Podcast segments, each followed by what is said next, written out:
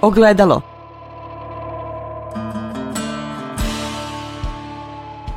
Podcast Autonomije.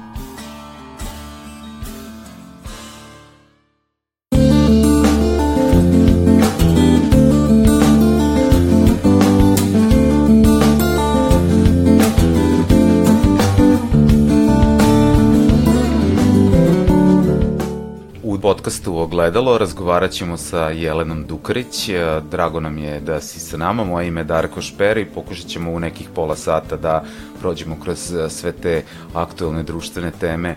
Ono što mene na samom početku interesuje kako si, si zdravo, jel si, o, jel se snalaziš u ovoj pandemiji? E, super sam, hvala na pitanju, zdravo sam, prošlo me ove, ono što je trebalo pre dva meseca, tako da sam zapravo sad super.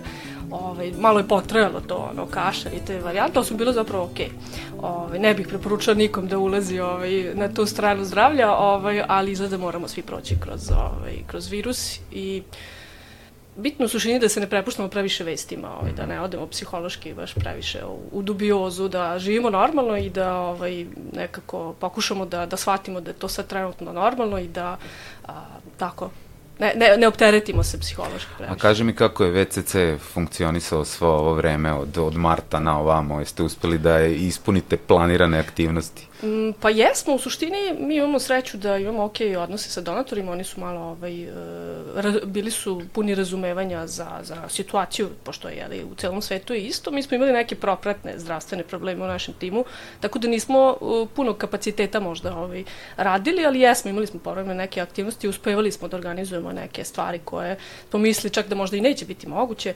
Ovaj, imali smo čak i nekih ono zanimljivih e, situacija, ovaj, mogu da pričam odmah o njima ili želiš posle. Ovaj, tiče tiče se zapravo organizacije izložbe Srebrenice. Mm -hmm. Ove, Kaži odmah. Da odmah pričam, dobro.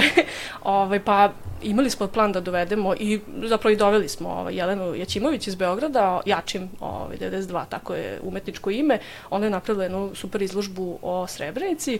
A, to su nekakvi grafički radovi bili i mi smo želeli da malo izađemo iz tih ne, nekih naših uobičajenih okvira gde organizujemo izložbe. Uvek je tu neki siguran prostor, jeli da ćemo, a, ne znam, ranije smo možda bili u, u, u KC Labu, nekad smo bili ovaj, u CK13 i tako želeli smo malo da odemo izvan tih okvira, da vidimo publiku koliko je spremna publika da vidi taj sadržaj koji nije inače bio nikako radikalan u svom iskazu, čak vrlo benigan jedan ljudski ovaj, izražaj na toj izložbi.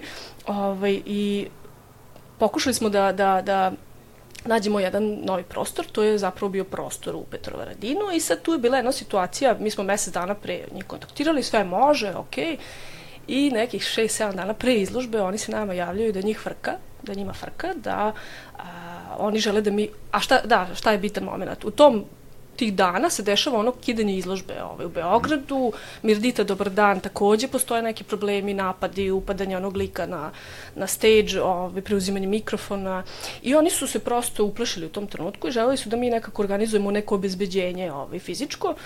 Izložba je trebala da traje samo tri dana znači to je mali period, ovaj, nije bilo nikakvih naznaka da će biti nekih problema, znači ta izložba je stvarno jedna skroz ok izložba u kojoj ono ne bi trebalo osim što nekog može da bode sam naslov, pošto se u naslovu ovaj, spominje genocid u Srebrenici, to je zapravo taj neki okidač bio za te neke desničare, ali mi nismo imali nikakvih konkretnih na sad nekih pretnji ili tako dalje. Međutim, oni su se uplašili, želeli su to da nađemo, međutim, jedno obezbeđenje nije htelo ovaj, da 7 dana pre preuzme jeli, tu taj posao, ali ne zato što se kao oni neće sad tu temu jel, da brani, ne znam šta, nego zato što je stvarno mali period, a prosto ako postoji neka opasnost, ovaj, postoji mali prostor za organizaciju. I sad, tu je bilo povuci, potegni, hoćemo, nećemo, ovaj, oni su u suštini nekako ipak želi da mi ne organizujemo tamo. Ovaj, iako su rekli da zapravo, eto, neće ni, da, to su isto rekli, neće policija da dođe, kao, mi smo ih zvali, oni neće da dođu, što je po mene bila ovaj, jedan uh, možda izmišlja, izmišljena stvar, pošto policija ne može da neće da dođe, mislim, da, da, ovaj, da obezbeđuje. Uh, mi smo na brzinu ovaj, preorganizovali se, otišli smo u CK13 i tu je zapravo ovaj, bilo nešto zanimljivo. Imali smo jako puno policije. Uh, nije postojala pretnja, znači koju smo mi bili svesni, da smo negde videli da nama neko pisao, da bilo šta, ovaj, jako puno policije, kako u civilu, tako ovaj, u, u, u delima. To je bilo malo čudno. Mislim, koliko se mi dugo bavimo ovim temama, više od 10 godina, zaista nikada nismo imali ovaj, toliko prisustvo policije. Kada smo ih pitali, pa jel postoji nešto što vi znate, mi ne znamo, nije postojao odgovor. s jedne strane, ja sam, moj lični stav je da policija naravno treba da obezbeđuje takve događaje, prosto živimo u takvom vremenu da je to normalno, da, da u stvari nije normalno, to nije normalno, ali nama je normalno da ovaj, postoje prosto ljudi kojima se to ne sviđa i mi ne znamo kako će oni da se ponašaju, će oni fizički doći tu pa sad nekim gost, goste maltretirati ili neće, ovaj, ali ipak u tom broju i tako nekakav vibe je postoje koji nije možda baš bio realan. Tako da mi ne znamo šta je poruka toga. Da li da opet nešto tako organizujemo kao, pa da opet imamo na 30 policajaca i 10 učesnika na izložbi ili, ili, ovaj, ili nešto drugo. Nadam se da niste prošli kao mi u Nišu kada smo organizovali projekciju Albanki sa naše sestre, osim mnogo policije imali smo i one koje nepozvane goste. Nismo, hvala Bogu, nismo imali ovaj, nikakvih zapravo problema, kao što nismo ni očekivali. A, sećam se dobro tog događaja, ali ja nekako kad god vidim te događaje, meni to uvek deluje kao malo nekako ti desničari generalno funkcionišu po principu e, treba nam neka sad tema, jeli, mi nemamo čime da se bavimo, ajde sad da napadnemo nešto što je potpuno benigno. Mislim, taj film koji je pogledao Albanke su naše sestre nikako nije za nekakav napad ili, mislim, nije ništa za napad, ne postoji opravdanje, ali jednostavno nešto nekog može više da iritira, pa sad kao izrazi neki svoj stav, ok, mislim, ja nemam ništa protiv toga da neko izađe i protestuje. Osim ako na taj način ne ugrožava neka, neka jeli, neče druga prava, ovaj, potpuno normalno da mi ra različito razmišljamo, imamo različita životna iskustva i iz toga jel, imamo različite reakcije na neke stvari, ali ipak moramo da razumemo da ovaj, koncept slobode govora i generalno ljudske prava je takav da mi ne možemo da ovaj, uh, utičemo na druga ljudi, na, da kršimo tuđe ljudska prava, time što ćemo ispoljiti neko svoje. A u to vreme koje ti pominješ i tu vašu ovaj, izložbu i sve te događaje o kojima si pričala, zaista je bilo ponovo na elektrisana atmosfera, uh, a, tema ove godine nije baš toliko bila Kosovo koliko je bila baš Srebrenica i baš je diskurs bio vrlo čudan. A, u to vreme još Skupština Srbije nije bila formirana, tako da to nije bilo mesto za iskazivanje stavova političara, ali su izgleda oni našli svoje ono mesto na, na izložbama, na ulici i tako dalje.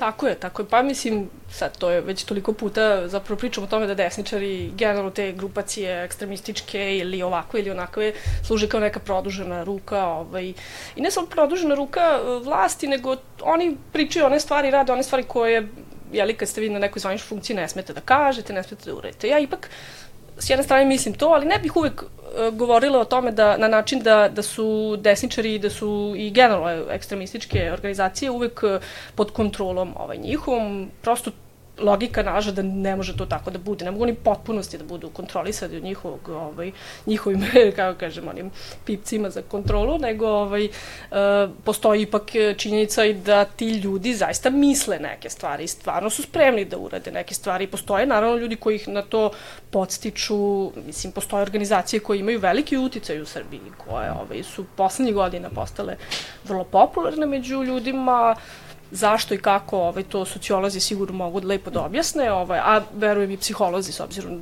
da mi možemo da vidimo da tu postoje neke manipulacije, prikrivanje stvarnih ovaj, stvarnih razloga, stvarnih e, želja, razloga, kako god ovaj, mi to nazvali, za, za konkretnim uticajima. uticajima. Tu naravno govorimo o organizaciji koja sebe predstavlja kao humanitarna organizacija koja se bavi zaštitom prava životinja. Uh, oni Mislim, oni postoje koliko, ja ne znam koliko postoje. Znam samo da su poslednje godinu dana jako vidljivi. Ne, zaista ne znam sad ovako istorijski kad su nastali i to.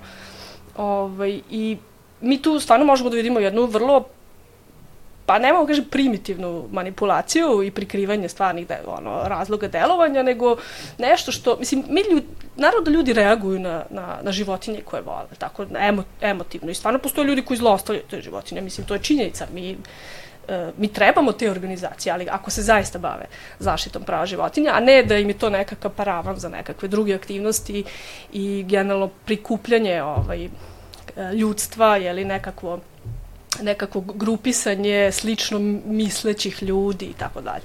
Da, ali te incidente koje smo imali, uh, koje na neki način i pominješ, pretočno su se odnosili na migrante, Mi znamo da su migranti tokom vanrednog stanja bili praktično zatvoreni u svojim centrima i nisu imali slobodu kretanja, ali bez obzira na to desio se onaj incident kada je jedan deklarisani član Leviatana uleteo kolima probio barikadu, prošao pored naoružanih vojnika i uradio šta je uradio.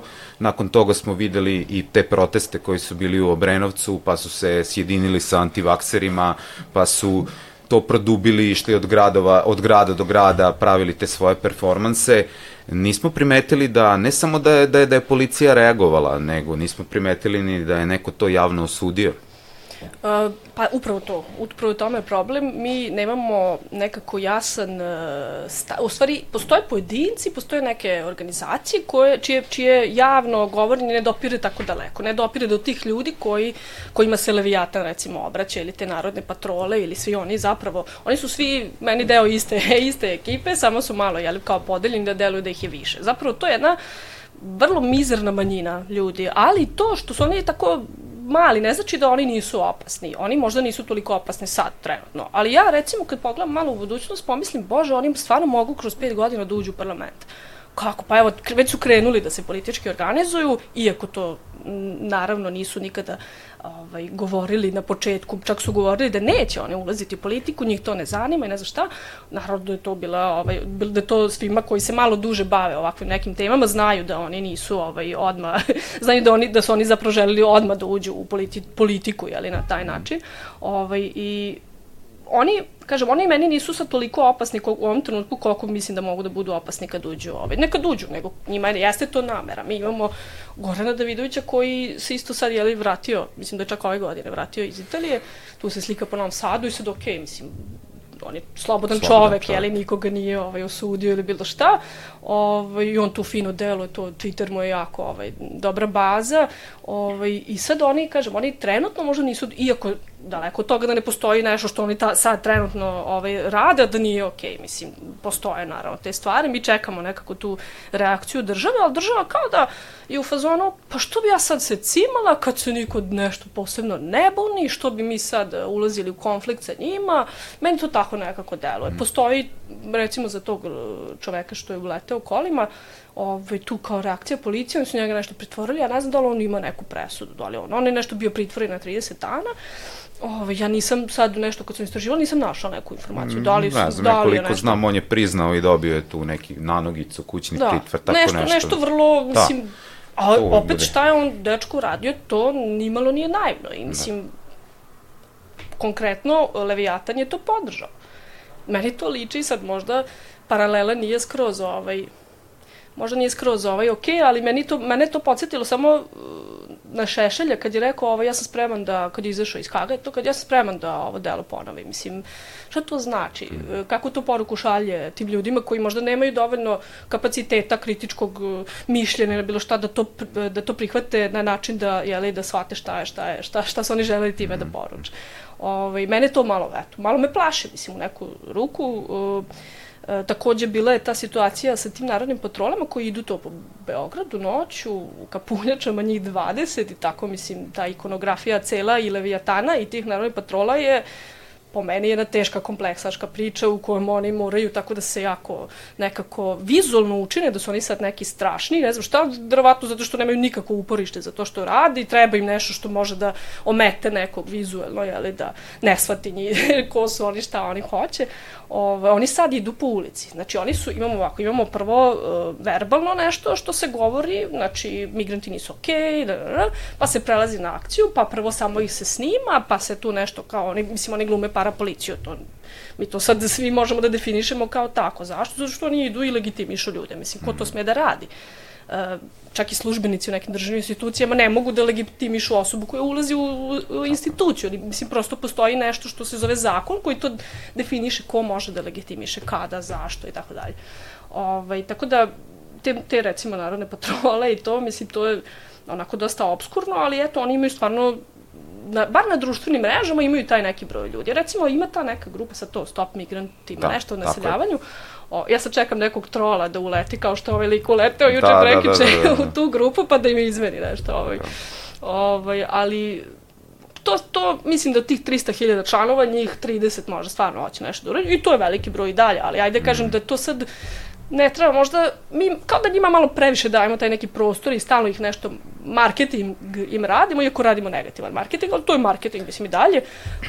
Ali ono u Šidu što se dešava nije naivno uopšte, dakle, ovaj, tamo smo videli sad poslednjih dana da ne samo da ne štite migrante i da ne, da, da zabranjuju one skupove protiv migranata, nego naprotiv koje je podržao i tamo predsednik opštine, sada vidimo da legitimišu i privode ovaj, aktiviste No Name Kitchen, koji mhm. tamo do, su ljudi došli iz humanih razloga da ovaj, ljudima kuvaju da im pomognu upravo onim migrantima koji nisu u centrima da bi prosto ne bi se smrzli da bi, da bi dobili topli obrok.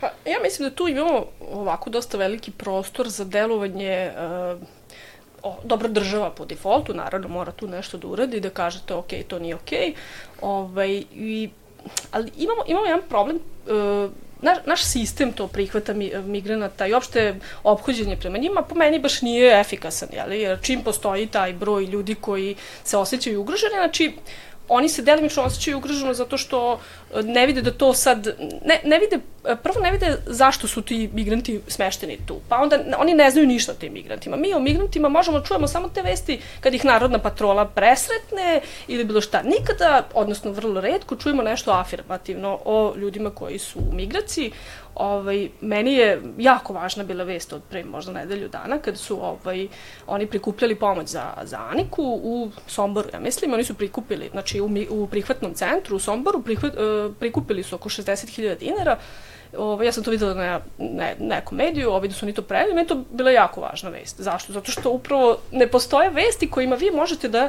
humanizujete te ljude. To su ljudi koji imaju konkretne životne priče. Oni imaju porodicu, imaju majku, oca, tetku, strinu, koga god želite. Ovaj, to su ljudi kao što su i mi sad. Imaju neke druge potrebe, trenutno su u jednom vrlo nesretnom životnom ono, trenutku. Sigurno ne žele da žive u našoj naprednoj Srbiji. Ove, oni žele da odu odavde kao i ver, verovatno većina ljudi u Srbiji ovaj, i mislim da mislim da ljudima fale malo priče koje, koje, koje humanizuju te ljude, definitivno, i onda verujem da bi bilo manje tih nekako negativnih. Mislim, vi, da, evo, nisu morali da budu migranti, mislim, mogu da bude bilo ko ko će doći kao stranac u neko mesto i su to neki veći broj ljudi, ljudi po defaultu se uplaše zato što se boje nečega što ne poznaju i to je jedan osnovni uh, strah, mislim, strah je prirodna, jel, jedna emocija i ja imam strah od svega što mi je nepoznato, samo što sam neke stvari racionalizovala, a neke stvari ću još imam vremena u životu da racionalizujem, ali mislim, nikada mi nije palo na pamet da se bojim nekoga samo zato što e, sad je taman ili ne znam šta god nosi odeću ovako ili onako ili se nalazi u nekom centru koji ga je prihvatio i tako dalje ovaj, sad, ok, mi smo svi različitih životnih priča, pa mislim neko to može da razume iz nekog sobstvenog iskustva, nekom ne treba sobstveno iskustvo da bi razumeo poziciju nekog migranta, neko to prosto pri, prirodno može da razume. Tako da, meni sad tu konkretno, evo sad baš ako pričamo o Šidu ili generalno, imamo on, onu situaciju u Apatinu kada je onaj čovek nešto zaustavljao mhm, taksi koji je prevozio, Mislim, to je jedna tužna jako situa situacija i ona je zastrašujuća u neku ruku da je neko toliko se osjeća ugroženim, da reaguje tako. Sad, zašto se on osjeća tako ugroženim?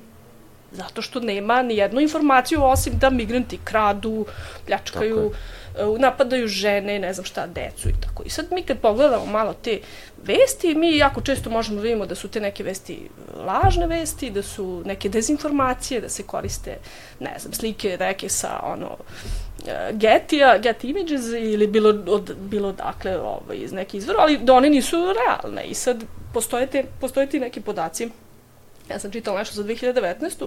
Nema još podataka za 2020. Tipa da je u 2019. broj krivičnih dela a, koji se počinio u Srbiji bio recimo 90.000, od toga su 190 e, učinili migranti i to pretežno krivična dela koje se tiču nekakvih njihovih međusobnih odnosa, jeli oni su se iz nekakvih svojih razloga ovaj, možda potukli ili šta god, Ovaj, I mi sad tu, jeli, možemo jako lako da a, racionalizujemo vest koja kaže migranti sad, ne znam šta god, ra, čine neka dela po Srbiji.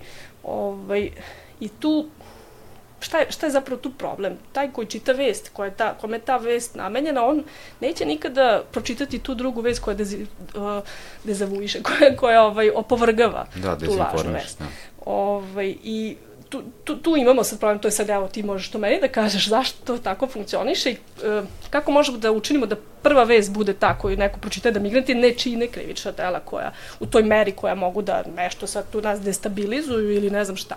Ovaj... A osim toga što objavljuju lažne vesti i to bukvalno koriste stare vesti koje objavljuju kao nove ili uzimaju iz inostranstva, objavljuju kao da su migranti to počinili ovde, dešava se i to da imaš te prave vesti, nisu toliko česte, ali ih ima, ali oni onda uzmu pa izvrću kontekst tih vesti, tako da recimo i ove akcije koje sada sprovodi policija, gde vidimo i Vulina da se često slika, gde oni njih hoće da izmeste u, u organizovane centre, a ne da budu na ulici, ovi antimigrantski portali i, i, i ovaj, na tim društvenim mrežama se pojavljuju i te iskrivljene informacije, tako da neko ko je pretplatnik, da kažem, tih sajtova i, i, i tih Facebook grupa, on praktično je onemogućen da dobije bilo kakvu pravu informaciju.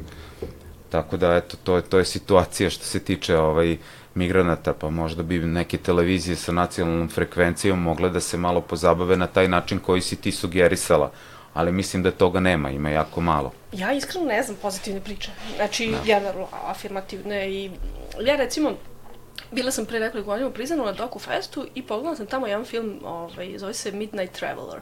I to je priča o liku koji je između ostalog prolazio i kroz Srbiju, snimao film telefonom, šta mu se dešava. Ovaj. E, ja bih volila da to svi pogledaju, taj film. Mislim da bi zaista od tih 300.000 članova ovaj, te grupe možda bilo ono, 10 njih koji ne, koji ne razumeju, ovaj, a 290.000 njih koji i tekako razumeju uh, konkretnu priču tog čoveka. Ovaj, tako da da, sad mi možemo da pričamo ovaj, da, da, mislim, ko želi, on može da se informiše. Tako je. ovaj, da, to, to možda ovaj, možemo da, da preskočimo tu izjavu, ovaj, zato što to zvuči kao ono ko želi ima posla, ko će da radi, ovaj, ali to, to je druga tema u stvari. a ono što nam se u poslednje vreme dešava, a, to je naravno, evo, poslednja informacija ove izveštaje Evropske unije da nismo napredovali, da neće biti otvoreno ni jedno novo poglavlje, konstantno se pominje sloboda govora, ugrožena ljud, mislim ljudska prava, uopšte ovaj e, pravo je na tapetu. Um, u skupštini imamo šta imamo, to koliko god pratila dođe do tebe, kakvi su tu govori, napadaju se glumci, napadaju se svi koji drugačije misle, svi koji kritikuju bilo koga. Dakle, kao da težimo kod nekom jednoumlju u ovoj zemlji. Uh, kako ti na sve to gledaš? Ovaj, prosto živimo te dane upravo sada. Um, ja zapravo na to često ne, ne gledam, to je neki moj eskapizam, ja ne znam, možda sam trenutno u, u tom životnom dobu da malo nekako pokušavam da vidim neke druge stvari, iako sam apsolutno svesna da to utiče na naše živote na svakodnevnom nivou. Uh, mislim da, mislim da će, šta je pojenta, evo recimo sad imamo i imaćemo jednu ekonomsku krizu. Mislim, vi e, kako biste skrenuli pogled s te ekonomske krize sa sigurno jednog masovnog opuštanja radnika na svim nivoima, privatnim ovaj, e, firmama, na, kažem, na svim, na svim mogućim nivoima, vi morate jednostavno da napravite nešto što će toliko skrenuti pogled sa toga, kao što je recimo naša skupština, mislim, koju ja stvarno, eto, to što kažeš, negde vidim, nekako dođe do mene, iako to stvarno, ja nemam televizor uh, e, 15 godina, prosto ne gledam, ovaj, nemam u svojoj sobi, osim, kažem, eto, kad najđem na neku vest na, na, na društvenim mrežama, ovaj, generalno na, na internetu.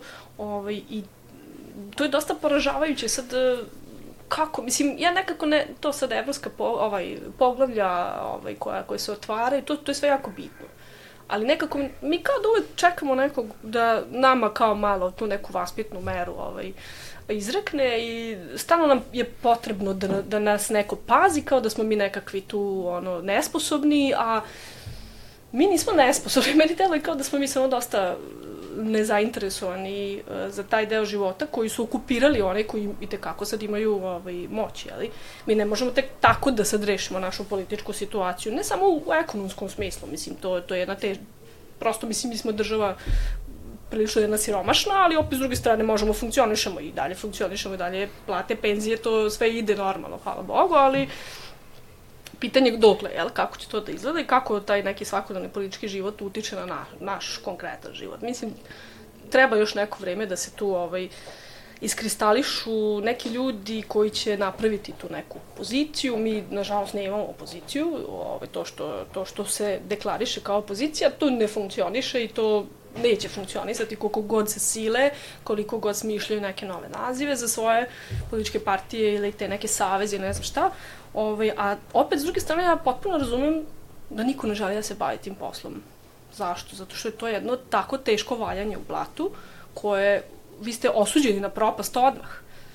Tako da, ne znam, možda, ja nekako mislim da će doći do nekakvog, ono, kroz vreme, jel, naravno, ovaj, doći će do nekih, nekakvih promena, ali da te promene možda neće toliko ići iz neke naše unutrašnjosti, neke, neke naše organizovanosti, nego će se malo to što sad postoji kao jedan politički monstrum, to će se malo po malo rasipati, jer tu ima previše interesa koji su međusobno isprepleteni i postoje različite politike. Mislim, mi kad danas pričamo o vlasti, ja stvarno ne znam da identifikujem koja je njihova politika. Oni nemaju politiku, oni imaju profit koji Tako jedino zanima. Tako je, to sam baš pre neki dan pričao sa jednom mlađom koleginicom, ovaj, hteli smo negde da izvučemo definiciju Srpske napredne stranke i to je jako teško.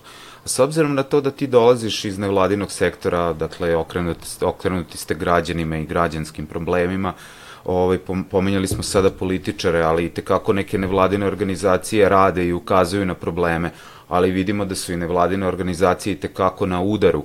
E, kako se tu mobilisati i prosto ovaj, nametnuti neke teme? To je vrlo teško, evo, baš to što si rekao, ovaj, e, teško je sad, e, i te, teško je uopšte doći uh, da vas neko vidi, ali sa nekim, nekakvim vašim radom. Mislim da je nevladin sektor izuzetno važan, ovaj, sektor u svakoj državi, on je korektivni sektor, ali u tom smislu se, tako se nekako posmatra, on radi ono što država ne stiže da radi u nekoj normalnoj državi, a mi smo zbog toga pomalo na tapetu, jeli, stalno smo nekako napadani, ovaj, i poslednje što se evo, de, de, desilo je bilo to za uh, od strane Uprave za sprečavanje pranja novca, znači tu su nek, neki dvadesetak, sad možda lupam broj, ali neki broj organizacija i pojedinaca je etiketiran da, ne znam šta, pere novac i finansira terorizam. I to je, mislim, jedna toliko smešna konstrukcija, zato što... Uh, zato što svi plaćaju porez državi i bivaju im usvojeni finansijski izveštaj e, svake godine. to, znači svako ko želi to može vrlo lako da, da izgoogla, ali jednostavno, vidite to kad napišete u medijima, to ko, taj komentar je stavljen, on to pročita i on neće dalje Tako ići u razmišljanje i naravno to je jedan, to je jedan tako težak obračun u stvari. I vi u tome svemu, mislim, nevladin sektor generalno, pogotovo uh, organizacije kao moja, koje se bave temama koji nisu popularne. Mainstream. I koji nisu mainstream, tako je. Ovaj, ni, nije nam nikad bilo lako. Nije da se mi sad nešto žalimo i ne znam šta, ali jednostavno ne vidim neku veliku razliku ovaj, od početka našeg delovanja do sad. Osim, osim što se teme sada mnogo teže uh, kandiduju da budu relevantne. Zašto? Zato što sad trenutno, znači moja organizacija se bavi pitanjima koje su nekako vezane za suočavanje sa prošlošću. Znači, to je neki naš glavni, da kažem, fokus, iako smo imali različite neke izlete u neke druge pravce, ali to je nešto čime se mi prevashodno bavimo. I jako je teško u ovoj situaciji u kojoj imate milion i jedan problem, koji su toliko važni za funkcionisanje običnog čovjeka svaki dan, da vi sad kažete, e, znate vi šta se desilo u Vukovaru? Znate vi šta se desilo, šta se, šta se desilo u Sarajevu? Znate vi bilo šta o tome šta se dešavalo 90-ih? uglavnom ljudi ne znaju, to je onako, ali to je jako sad teško njima objasniti zašto je važno da oni to znaju. Mm. Jedan od razloga zašto je to važno da znaju jeste što će lakše da skontaju šta se, za, zašto je Dinku neko došao na vrata i ispisao mu one grafite. Lakše će to razumeti, eto, ako ništa da. drugo, to je nekakav... Da. Na svu sreću mobilisali smo se i pokazali smo kako to treba da izgleda i mislim da je sad Dinkov ulaz jedan od najlepših na limanu, jer su ostali i ostali iškrabani, a ovaj je okrečen. Uh, pred sam kraj razgovora ne mogu da te ne pitam nešto o Vojvodini, uh, A, ne znam da li znaš, ali ja ću da ti kažem, danas a, zaseda Skupština Vojvodine i usvajaju budžet. Nekada verovatno tebi to bilo bitno, kao nevladinom sektoru su postali raznorazni ovaj projekti u kojima si mogo da apliciraš, da dobiješ sredstva od nekog sekretarijata, ali ajde to na stranu da stavimo, u, ovaj, da li se ta autonomija Vojvodine gubi, jel mi sad samo živimo na području koje se zove Vojvodina, a sve manje osjećamo taj prostor u kojem se nalazimo. Ne mi, nego građani Vojvodine. E, ovako, ja sam se rodila 1987. godine i ja u suštini uh, taj neki, tu neku autonomiju nisam osetila, mislim, u svom životu, niti znam kako to stvarno izgleda, osim, naravno, u teoriji. Ove, ovaj, I meni sad to kad se kaže kao da li mi sad živimo jel, neku autonomiju, da to, ja mislim da mi ne da ne živimo tu autonomiju, nego da to nema nikakav odraz, mislim, ljudi apsolutno nemaju nikakvu svest o tome, osim kad se neko baš stvarno zanima za tu temu, on može doći. Prvo, vi sad kad prođete kroz, ma, ono, tako časkate s nekim mladim ljudima i kažete im ovaj, to, kažete autonomija AP Vojvodina, šta to znači, generalno malo njih će razumeti šta to stvarno faktički znači. Ovaj, I samim tim vi ne možete nikako da osvojite, jeli, nekako, da emotivno, jeli, uh, em, emotivno nekako probudite nekakvu želju da neko sad to da se time bavi. Ja mislim da se niko ne bavi tim pitanjem. Postoje određene političke partije koje to spominju jer, u nekim svojim programima, ove, ali zapravo niko, niko ozbiljno sad to ne radi. Ono što, ono što ovaj, uh, si ti spomenuo to sad usvajanje budžeta i ne znam šta, mi kao nevladina organizacija nikad zapravo, možda jednom ili dva put smo ovaj, konkurisali Zašto? Zato što teme kojima se mi bavimo, recimo proterivanje Hrvata iz Vojvodine 90-ih. Mislim, ova politička garnitura, a boga mi ni ona prehodna, nije baš žela da se bavi tim pitanjem, tako da mi, mi baš i nismo nešto previše uključeni ovaj, u, u, u, u, konkurisanje na, na, te, ovaj, na te programe, ali još jednu stvar sam htela da kažem, e, koliko mi danas u medijima uopšte možemo da pročitamo ono da je, ne znam, uh, vlada Vojvodine nešto urada. Mislim, jako nekako, uh, čak i marketing njihovo, ovaj, jeli, delovanje u, u, u, u, u društvenom životu, mi ne, ne primećujemo da tu postoji zapravo, da, da je Vojvodina nešto što ima predznak AP. To se nekako neutralizuje konstantno. Mi toliko mali politički uticaj ima vlada Vojvodine. Mislim, kakav uticaj ima? Oni nemaju nikakav uticaj. Oni su toliko e, tamo negde skrajnuti, o, osim što su stavili čoveka da bude ovaj tu koji je njima politički bitan. Znači, nije baš da, da, da oni nisu svesni da, da tu treba da bude samo bilo ko, nego su oni stavili nekog svog čoveka koji tu je li bitan u njihovoj stranci. Ovaj, tako da, to je jedno veliko polje koje je upražnjeno i koje čeka nekog ko će govoriti o tome, da li će to biti politička partija, da li će biti neka nevladina organizacija, ne znam, ovaj, ali neko, neko bi trebalo na malo možda originalni način da pristupa ovaj, to temi, pa će doći verovatno do neke zainteresovanosti. A, slušali ste podcast Ogledalo, gošće moja draga je bila Jelena Dukarić iz VCC-a. Eto, dotakli smo se nekih tema, što se kaže kao u skafu i bilo mi je veliko zadovoljstvo da te ugostim u ovom podcast ćošku nezavisnog društva novinara Vojvodine.